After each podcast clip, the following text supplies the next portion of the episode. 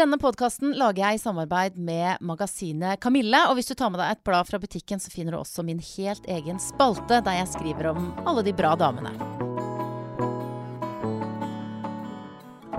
Og mens vi nå liksom har snakket mye om uh, 2017 popmusikk og sånn, så bare har jeg én forespørsel. Vi må snakke litt om Alf Prøysen. Mm. For jeg vet du er så glad i Alf Prøysen. Og eh, det, de, de, fleste som hører på denne podkasten også, kjenner jo godt til han. Men nå har jeg eh, vært, akkurat vært eh, i Prøysenstua og mm. laget et TV-program. Ja. Så nå har jeg fått en sånn nyvunnen kjærlighet til Alf Prøysen. Så jeg får sånn Nå kommer Fride Andevik. Nå må vi prate om Prøysen. Mm. For jeg tenker mange av de tingene du har sagt nå sånn, Da kunne man fint ha sagt sånn Ja, det, det med ljuging når du skriver tekster, og det med å um, det med å vite hvem man er. Skal man være ærlig eller ikke? Hvem er jeg? Identitet. Det er mange av de tingene som etter å ha lært litt mer om Prøysen, da, så mm. skjønner jeg at uh, det er mye mer der enn sånn Ratatai og Barnetimen. Mm. Hva, altså, går det an å det er et stort spørsmål å stille en uh, Prøysen-elsker, men for de som hører på, som på en måte ikke kjenner han så godt som deg, hva er det for deg som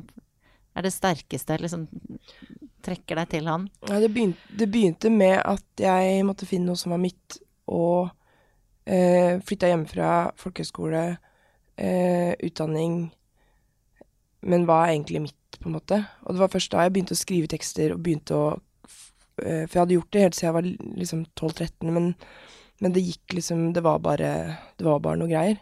Og så er det den der klassiske med at man flytter vekk fra det man har, og den identiteten man har, og som på en måte er knytta til det stedet man har vokst opp. Og for min del et eh, måte Hedmark er jo sånn veldig fortellerfylke. Det er veldig, sånn, veldig mange av de tinga som jeg har båret med meg, som jeg ikke kanskje har tenkt over. Jeg husker at jeg, at jeg kom opp til bestemor og bestefar en gang, og så eh, satt bestemor da Vi gikk aldri inn hoveddøra. Vi gikk opp på verandaen og så inn liksom rett inn i stua. Oh, ja. Det er sånn veldig merkelig ting å gjøre. Men jeg husker at jeg kom opp dit, og så ser jeg, idet jeg går for vinduet, så ser jeg at bestemor sitter i eh, godstolen sin, og så har hun tårer i øya, og helt sånn Hun ser helt sånn ødelagt ut, og så åpner jeg døra, og så hører jeg at hun ler. Det er det hun gjør. Oh, ja. Og da sitter hun og leser Kjell Aukrust for liksom sikkert tusende gang og ler like mye. Ja. Um, og det å ha med seg de fortellingene, den tona, den grunntona, den måten å fortelle ting på, da, mm. det blir mer tydelig når en flytter hjemmefra og begynner med sitt eget prosjekt. Og for min del så var det at jeg Prøysen, det er noe jeg kan synge, for det er repertoaret mitt, på en måte. Det hadde jeg med meg litt sånn ubevisst, for det har du bare gjort. Og så Og som på en måte er standardlåter.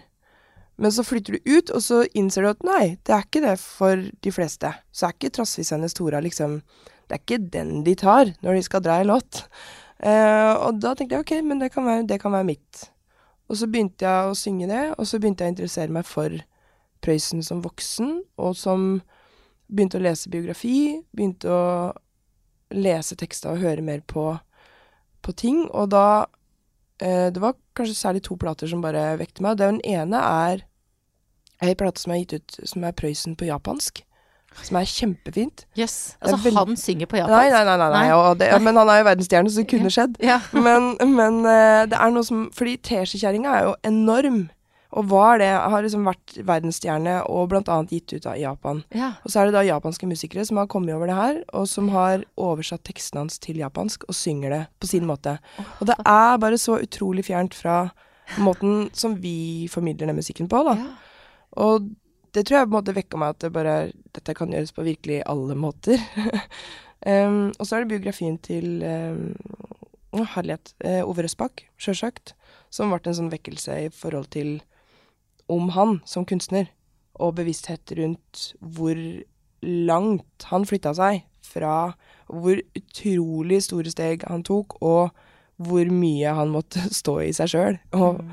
og, og, stå i det og måtte Ja, være en person som alle mener noe om, da. Nesten gjennom hele livet sitt. Han var jo en sånn megakjendis. Ja, han var megakjendis. Og så var han, starta han som griskokk. Mm. Han starta som å skulle gjøre gårdsarbeid i en kropp som ikke på noe område var spesielt laga for det, eller handy. Han, han starta Han likte å tegne, han likte å fabulere, han likte alle de tinga som, som det ikke er rom for når du skal måke møkk og og være liksom et bra liksom arbeidsemne, da. Ingen, han var ingen av de tinga. Um, og det å skjønne da, å stå i det at du må gjøre noe annet, og at du kan gjøre de tinga du egentlig har lyst til å gjøre, det er ganske beintøft. Men den andre plata var Knut Anders Sørum sin plate, som ehm, Da hadde jeg på en måte sunget det lenge, og på en måte synge alle de sangene som egentlig han synger på den plata. Og så kom den plata, og jeg tenkte nå, nå er vi der. Nå er det rom for å gjøre de tinga her. Så han var min sånn virkelig mitt store forbilde på det her. Og vi var på turné i 2012 med et prosjekt som het uh, Trassviser og Tordenskrell. Som var en fellesturné med han og Narum og meg og Gurun Hagen. Så det var egentlig visesangere fra Hedmark Operaen som ville ut og spille for sitt eget publikum, men vi måtte slå oss sammen for å få det til. Og jeg husker at jeg sto med gåsehud hver kveld når Knut Anders sang 'Vise ham løgna'. Og det Den opplevelsen av liksom 25 fremføringer av den låta, med meg og Benedicte omtrent Narum grinende på sida av scenen, og sånn derre Fy flate, du satt i dag òg. Og så går vi på og skal gjøre våre liksom, greier etterpå. Det Den derre Å være så tett på materialet og høre åssen han tenker det, og ikke minst åssen han synger det, da. Mm. Um, så var det helt Da var det på en måte at det, det Det var bare en sånn lang rekke av at det repertoaret og den Han har vært der hele tida. Jeg prater mye bredere enn jeg prater om det. det, det jeg merket det begynte med bestemor og bestefar. Ja, altså, da bare, og da går det på Nordover eh, fra der, ja. Men, det er jo fint, det. Og du, du har jo på en måte gjort det Nå skal jeg ikke dra masse sånn paralleller, sånn, men, men du har jo på en måte gjort det Altså reist hjemmefra og, og Det er noe med å se sin egen hjemplass hjemmefra og se seg selv utenifra, Mm. kanskje. Kjenner du deg igjen i det hos Prøysen? Ja. Og på en måte være liksom ja, Altså Det er um, For min del så tror jeg at det handla kanskje ikke om hvor jeg kom fra plassen og på en måte jantelov og sånne ting. Det handler jo om det òg, men jeg er jo ganske fan av janteloven, for jeg syns den regulerer en hel del greier. Mm. Men, men uh, at faren min er vissanger, eksempel, Mm. og at jeg alltid har vært dattera hans. Det var kanskje mer det jeg måtte vekk fra. At, uh, og at jeg nesten ikke sa noe til mamma og pappa om at jeg søkte, søkte meg inn på konservatoriet i det hele tatt. Så, og at jeg holdt veldig kjeft om det. At jeg hadde lyst til å gå den veien, da. Fordi da, måtte, da følte jeg at folk ville begynne å mene ting om det, og å ja, nettopp, nå skal jeg gå den veien, liksom. Mm. Og så må jeg gjøre det på min helt egne måte. Sjølsagt. Eh, så det er kanskje det jeg måtte bort fra at eh, Og at jeg måtte ha snudd det til at nå er, nå er han pappaen min. Faren til, han er blitt far til Frida. Det er blitt hans lodd i livet å Ja, være pappaen til Frida. så nå må Andevik. han jobbe seg litt ut av det. Ja. Mm. Men, eh, men i Prøysens måtte fortsette det, så er det det han har laga, og det han har vært, og måten han har gjort det på. Det å klare å skrive på den måten på hedmarksdialekt, og det å klare å kombinere så lyst og så mørkt, og gjerne i samme låta. Mm. Og den underteksten og det å bruke alt det du har fra der du kommer fra, i språket, undertekst, i beksvart humor, som du omtrent må være oppvokst i Ringsaker for å forstå liksom rekkevidden av. Mm. Fordi det er så mange lag, det er så mange bunner. Det, det er liksom det jeg på en måte henter fra han, da. Og så er det en sånn derre kraft, som jeg kanskje etter det gjorde et bestillingsverk til det nye huset. Um, og Prøysenhuset. ja, Mm. som er veldig, veldig, veldig fint, det huset. Og da jobba vi jo der samtidig som folk eh, andre jobba der, som elektrikerne gjorde ferdig og sånn.